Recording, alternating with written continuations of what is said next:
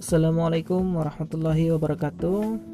Sahabat sekalian Semoga sehat selalu ya Di rumah masing-masing Di tempat kediamannya sekarang.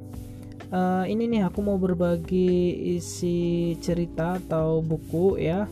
Di hadapan aku ini Ada buku Judulnya Ensiklopedia Sahabat Karya Ibnul Jauzi. Kalau kita ini terjemahan ya. Kalau kitab aslinya itu judulnya adalah Sifatus Sofah ini bagus sekali menarik. Menurut aku aku dapetin buku ini tuh tanggal berapa ini? Tanggal 14 April 2015 wow sudah lima tahun yang lalu ya.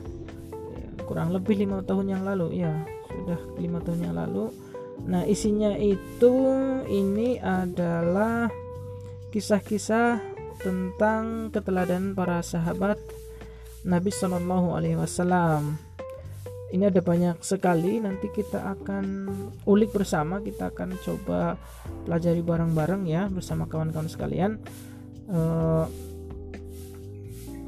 karakteristik ya, terus kemudian ya nilai-nilai luhur budi pekerti para sahabat ini, sahabat Rasulullah SAW uh, kepada kita patut mencontoh ya.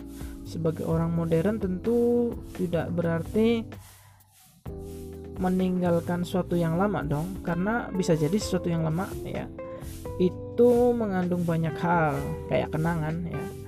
Biasanya mengandung banyak pelajaran buat kita semuanya. Oke sahabat sekalian itu dulu ya pengantarnya. Kita akan bahas buku yang berjudul Sifatus Sofah. Assalamualaikum.